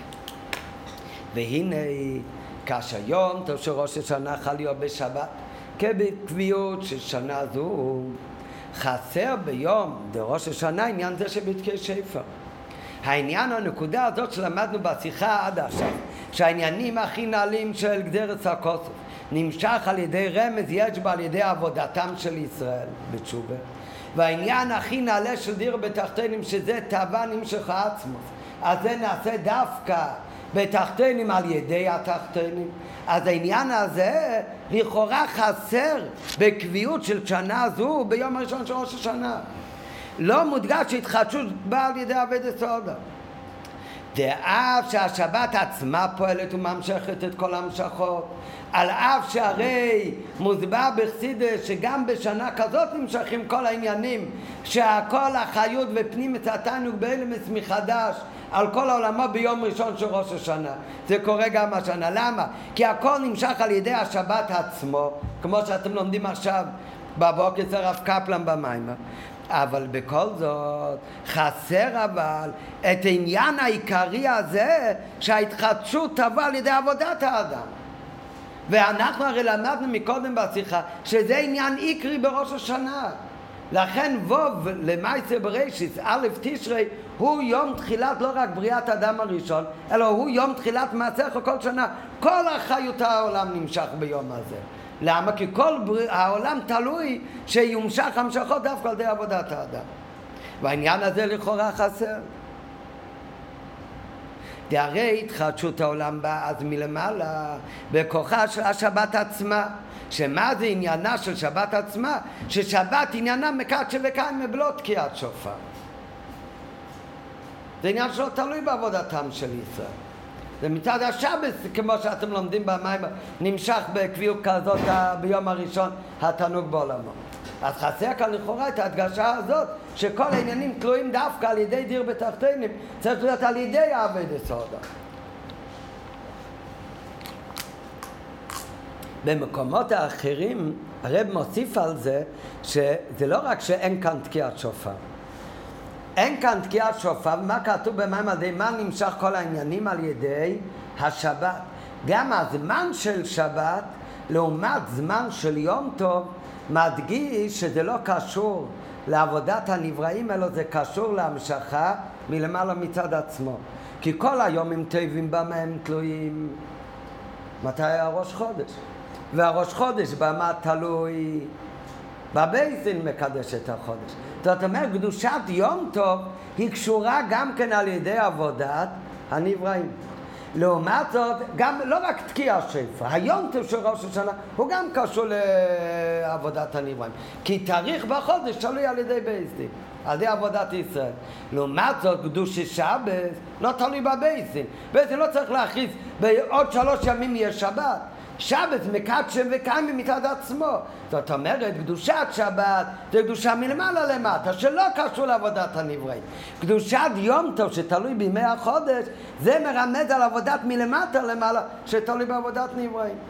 אז בקביעות כמו בשנה הזאת, ביום ראשון של ראש השנה לא תוקעים בשופר, אז חסר כאן את ההדגשה הזאת, שכל המשכות במעלה שלהם, שהם נמשכים על ידי עבודת האדם, ויותר מזה, לא רק שאין כאן עניין של תקיעת שופר, אלא גם על ידי מה זה נמשך, כתוב בחסידס, על ידי יום השבת עצמו.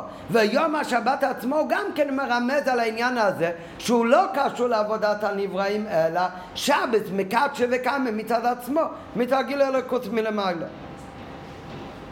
ותוכן עניין תקיעת שופר ענק, שהחידוש בא על ידי עבודת האדם. שזה הדגשה ועניינו של ראש השנה, כמו שלמדנו באריכות. אז זה מודגש בקביעות זו, כמו השנה באיזה יום. זה מודגש השנה רק ביום שני של ראש השנה, שבו תוקעים גם בקביעות זו, ועל ידי עבודה, עבודת האדם נמשכים כל העניינים בראש השנה. העניין הזה שכל המשכות של ראש השנה צריך לעבוד דווקא על ידי עבודת האדם, זה השנה מודגש דווקא ביום שני של ראש השנה. עוד יותר מביום ראשון של ראש השנה. וזה מתאים ממה שהוא אומר בתחילת השיחה, שדווקא בראש השנה, יום השני, הוא קדוש אחד ארוכה עם יום הראשון. שלפעמים התוכן של ראש השונה בא לידי ביטוי כמו השנה ביום שני עוד יותר מביום הראשון. אמרתי לכם מקודם שבשנים האחרונות הרבי הסביר שגם ביום ראשון יש את העמלה של עבודתם של ישראל. אבל איפה זה מודגש בגלוי? שנעשה על ידי פעולה של עם ישראל על ידי תקיע שיפו, אז זה נעשה דווקא ביום שני. כן, מה רציתי להגיד אפילו? בקביעות השונה הזאת, שדווקא בראש שנה יש כאן שתי עצמות ביחד. גם תנועה מלמעלה. אה, כן. אבל עיקר ההדגשה של ראש השנה זה שגם כל המשכות הכי גבוהות מלמעלה, גם הם תלויים דווקא בעבודת המטה. נכון.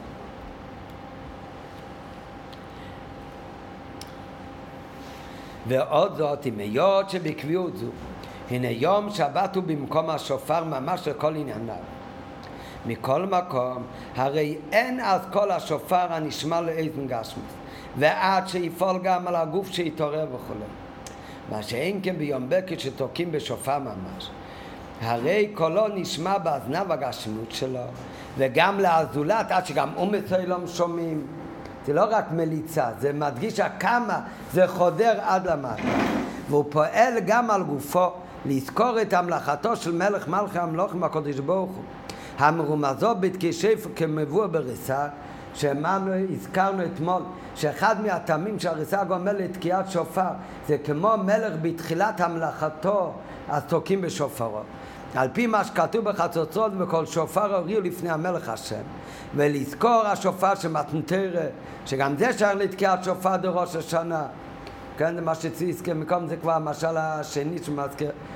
עוד קודם עם פסוקי שופר. מה הוא מוסיף כאן בסוגריים האלה ועוד זאת? מקודם הוא אומר מה יש מעלה ביום שני השנה לגבי יום ראשון? שעיקר התוכן של ראש השנה זה הרי להראות שכל ההמשכות צריכים לעבוד דווקא על ידי עבודת האדם ואז זה יותר די בתחתינו. לעומת זאת השנה ביום הראשון ההמשכה היא באמת לא על ידי עבודת האדם אלא על ידי השבת מצד עצמה. זה מה גורם להמשכה. בסוגריים הוא מוסיף עוד עניין, גם איפה חודר העניין יותר בתחתינו. אז נכון שבראש השנה שלך להיות בשבת נעשה המשכת חיות חדשה בעולמות ובניין המלכות, כל העניינים שכתוב בחסידת הכל נפעל על ידי שבת עצמה. אבל בגשמיות העולם זה נרגש כמו על ידי תקיעת שופר. הרי בפועל בגשמיות את כל שופר שיעורר אותו, הוא לא שמע. לעומת זאת כשתוקעים בשופר זה לא רק מרמז יותר שההמשכה תלויה בעבודת הנבראים זה גם המשכה יותר חודרת באמת בתחתונים מכיוון שכשהכל נפעל על ידי השבת אז הרי בגשמיות לא ניכר. לעומת זאת כשתוקעים בשפר גשמי בעולם הזה הגשמי, על ידי אבידר סמי של ישראל, אז באמת חודר העניין של תקיע שפר גם בגשמיות העולם, עד שהאוזן הגשמית יכולה לשמוע, וזה חודר כל כך לגשמי סוילום, שגם הזולת, אפילו מות העולם יכולים לשמוע כל שופר.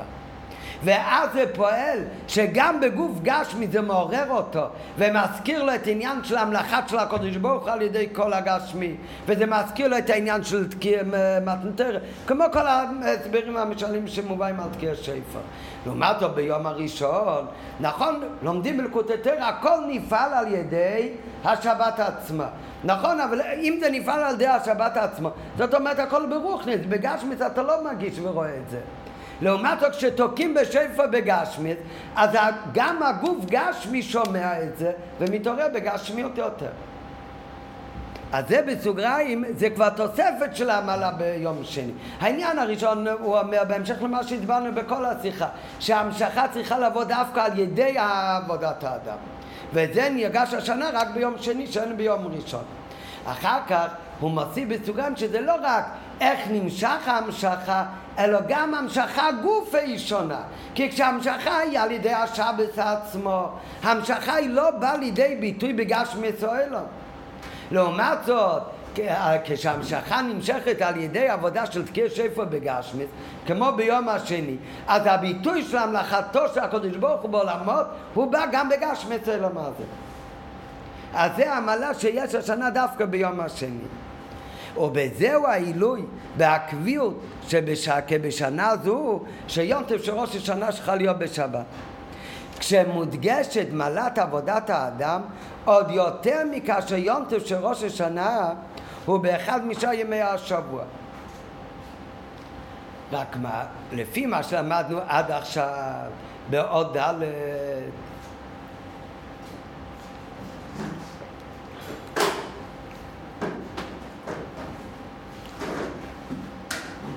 נחזור עוד הפעם מה שדיברנו מקודם לכבוד המיטה. דני מתחיל לדאוג. אבל לפי מה שלמדנו עכשיו, אז לכאורה כל אחד מאיתנו עכשיו, לפני שנסתכל הלאה באות ה' של השיחה, מה אתה חושב אם ככה? איפה מתבטא יותר העניין שהתוכן של ראש השנה הוא שהכל תלוי על ידי עבודת האדם דווקא. השנה או שנה רגילה? בשנה רגילה יש את זה מהיום הראשון של ראש השנה.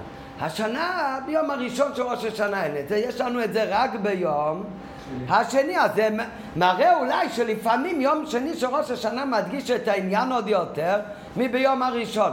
אבל מתי נרגש המעלה של עבודת הנבראים בראש השונה יותר? משנה רגילה או השנה? אז מי שלומד עד עכשיו את השיחה בהשקפה ראשונה, אז מתי זה נרגש יותר המעלה של עבודת הנבראים? כל שנה. ששתי הימים המשוחת המלכוס נעשה דווקא על ידי עבודת התקיע שופר. לעומת זאת השנה ביום ראשון זה חסר, יש את זה רק ביום השני. הרי מסביר עכשיו באות ה' שאדרבה, באיזה ראש השנה אתה מדגיש עוד יותר שעיקר עמלה זה עבודתם של ישראל. באיזה שנה זה מודגש הכי הרבה? דווקא בשנה כמו השנה שראש השנה חל בשבת. איך זה יכול להיות? הרי מסביר ה' פשוט מאוד. שנה רגילה, איך מתחיל ההמשכה של ראש השנה של דירה בתחתנו? איך זה מתחיל? כל שנה על ידי תקיעת שופר, עבודתם של ישראל. מגיע ביום שני, זה עדיין אותו עניין של ראש השונה, כמו שלמדנו בתחילת השיחה, תחיינו מיומיים, ששתי הימים של ראש השונה זה עניין אחד, אז אם ככה ביום שני אז ממשיכים את אותו עניין גם כן נמשך המשכות הכי גבוהות שנמשכים בראש השנה על ידי מה? גם על ידי תקיעת שופר נכון אז נרגש המעלה של עבודת נבראים בשנה כמו השנה זה נרגש עוד יותר. למה זה מודגש עוד יותר? השנה אומרים לכל אחד מאיתנו, ביום הראשון כל העניינים של ההמשכה שצריך להיות בראש השנה. כל מה שאנחנו בכלל יכולים לעשות, כל הדברים האלה השנה נמשכים ביום ראשון של ראש השנה, לא צריך את העבודה שלך, הכל נמשך על ידי מלמעלה על ידי השבץ עצמו שמקדשה וקיימה, על ידי המשכה מלמעלה למטה. אז בן אדם, אם כבר הכל נפעל מלמעלה, אז עכשיו בשביל מה עוד יש בכלל צורך לעבודת האדם? ועל זה אומרים ליהודי ביום שני של ראש השונה, תדע לך, על אף שאתמול כבר נמשכו כל העניינים על ידי מה? על ידי שבס גופה. מצד עצמו כבר הקודש ברוך הוא חידש את התענוג בעולמות. אז אתה היית יכול לחשוב, נו אז אם זה כבר נפעל מעצמו מלמעלה, אז אם ככה כבר אין שום צורך וערך לעבודה שלנו. ועל זה אומרים לך, לא, לא, לא, מגיע יום שני של ראש השנה, צריך להמשיך את כל העניינים על ידי מה? על ידי תקיע שפר. ועכשיו אתה הולך לברך על תקיע שפר ולהגיד שכרון, אתה עכשיו הולך להמשיך להמליך את הקודש ברוך הוא, עושים את הכל על ידי עבודת הנברואים. אז זה מדגיש הרבה יותר את מעלת אבדת התחתן דווקא. כשהיה ביום ראשון אבדת התחתן, ואומרים לו ביום השני צריך להמשיך לעשות את העבודה מלמטה, בסדר, זה, יש כאן מעלה בעבודתנו מלמטה. אבל זה לאו דווקא שהעבודה הזאת היא עוד יותר נעלית מההמשכה מלמעלה. אבל כשיש קביעות כמו השנה, שיש כבר המשכה מלמעלה, ועל זה אומרים לך ביום שני זה לא מספיק, היום מתחיל העבודה שראש השונה צריך לתקוע בשופר, אז סימן שיש מעלה מאוד גדולה בעבודת האדם, שהדירו בתחתינים יבוא על ידי תחתינים עוד יותר ממה ששבת מקדשה וקיימה יכול לפעוד כל העניין של ראש השנה. ומה התוכן של ראש השנה? זה היום תחילת מסכו, שכל הבריאה של חופי באלול תלויה במה? בעבד סודום הראשון שנברא ביום שישי למעשה בראשית. אז באיזה קביעות זה מודגש הכי, הכי בולט?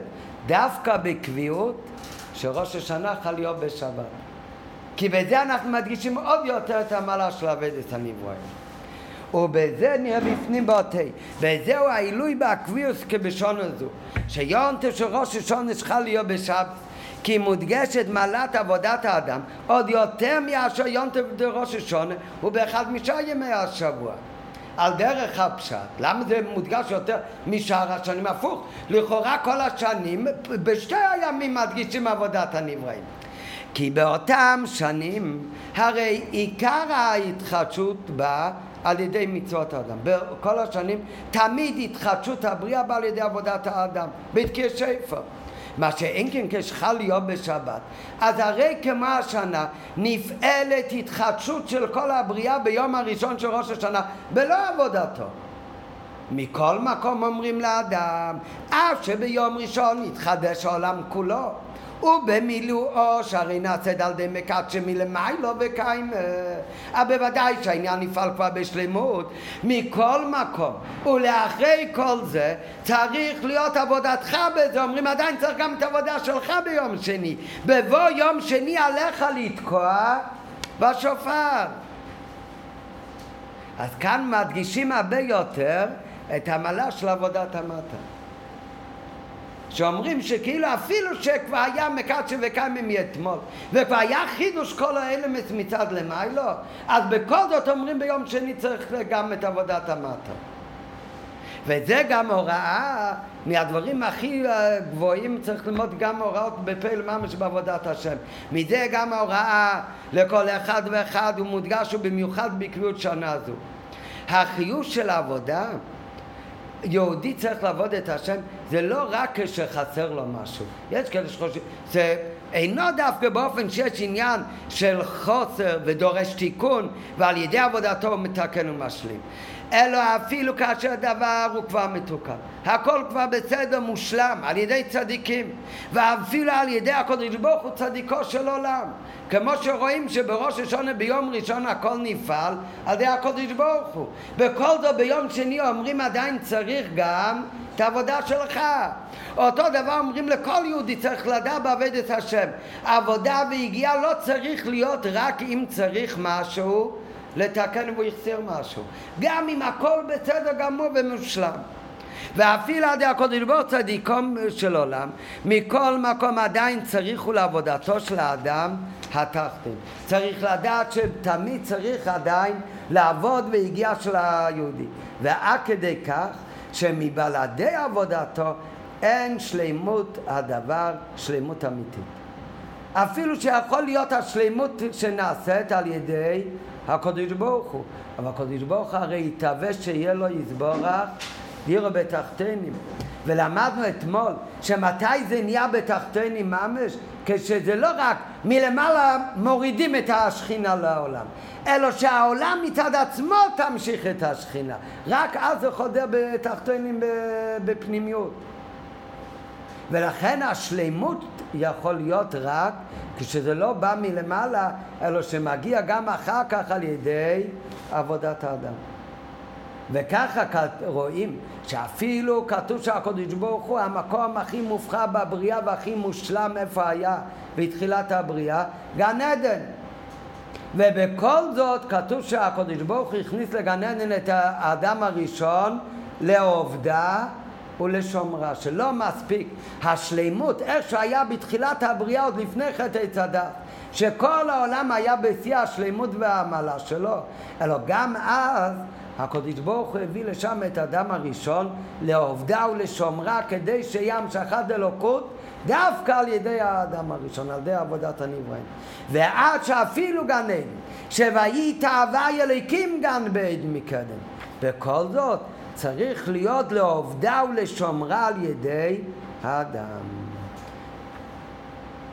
גם על פי פנימות העניין, כדי לעיל סעיף א', ביום א' היא עליית העולמו בפנימיות, וביום ב' בחיצוניות. גם בזה יש מעלה בשנה, בקביעות דיום של ראש השנה, שחל להיות בשבת. מודגשת יותר חשיבות עבודת האדם. ביום ראשון נעשו העניינים על ידי שבת דמקדשה ומקיימר. אין ניכר ונגלה בעולם הזה הגשמי העניין דתקיעת שופר. בעולם הזה הגשמי זה לא ניכר כל כך. ואין ברכת שופר ושחיינו על זה. אף על פי שכתוב שביום הראשון כל העניינים נפעלים מ...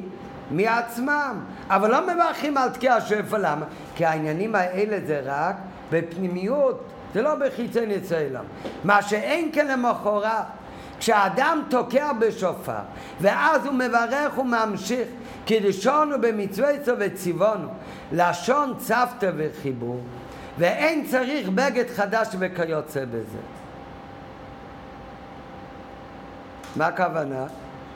בשנה רגילה הרי מברכים כבר ביום הראשון תקיע שפר שחיון ועל היום השני של תקיעת שופר יש מחלוקת בפוסקים אם לברך שחיונו בכל יום תבשני בחוץ לארץ עושים שחיונו אבל לאו דווקא למיתוס אבל על היונטף אבל ראש השנה זה יום אחד אריכתא.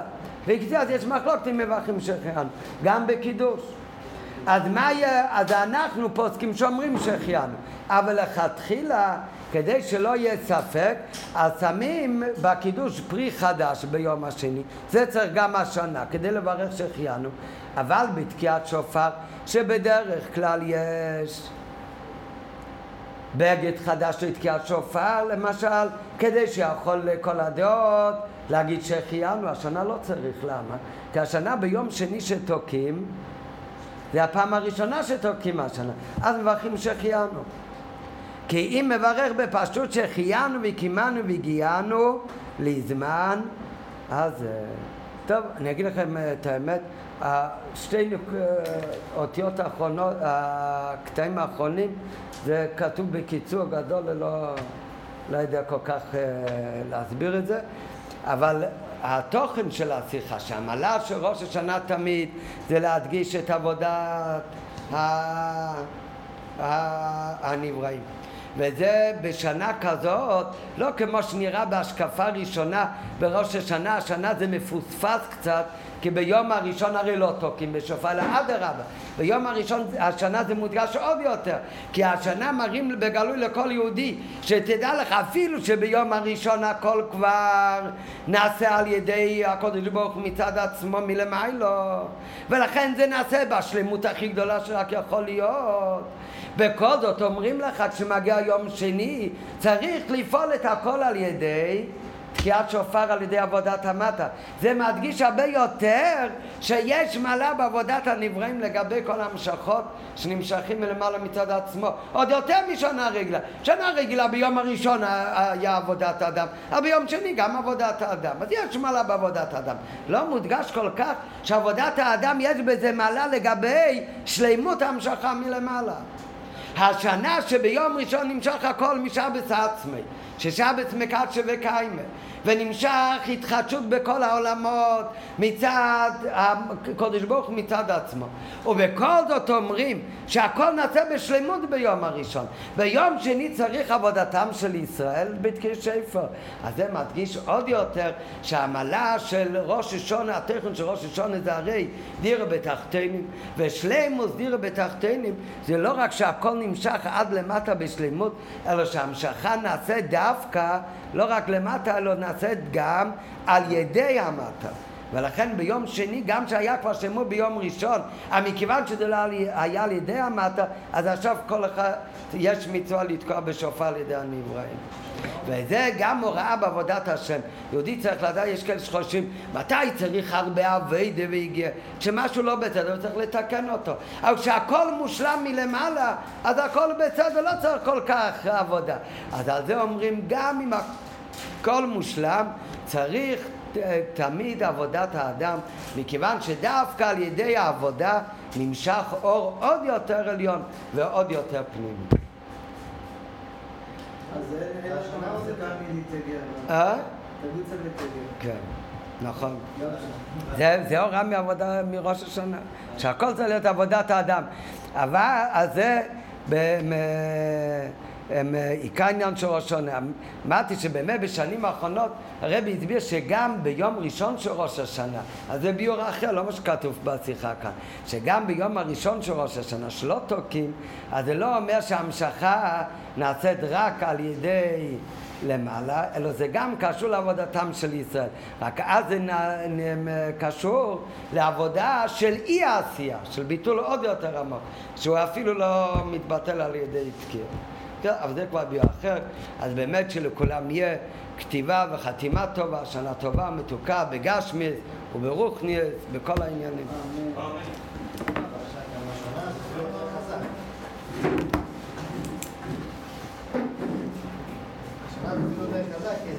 יותר יותר?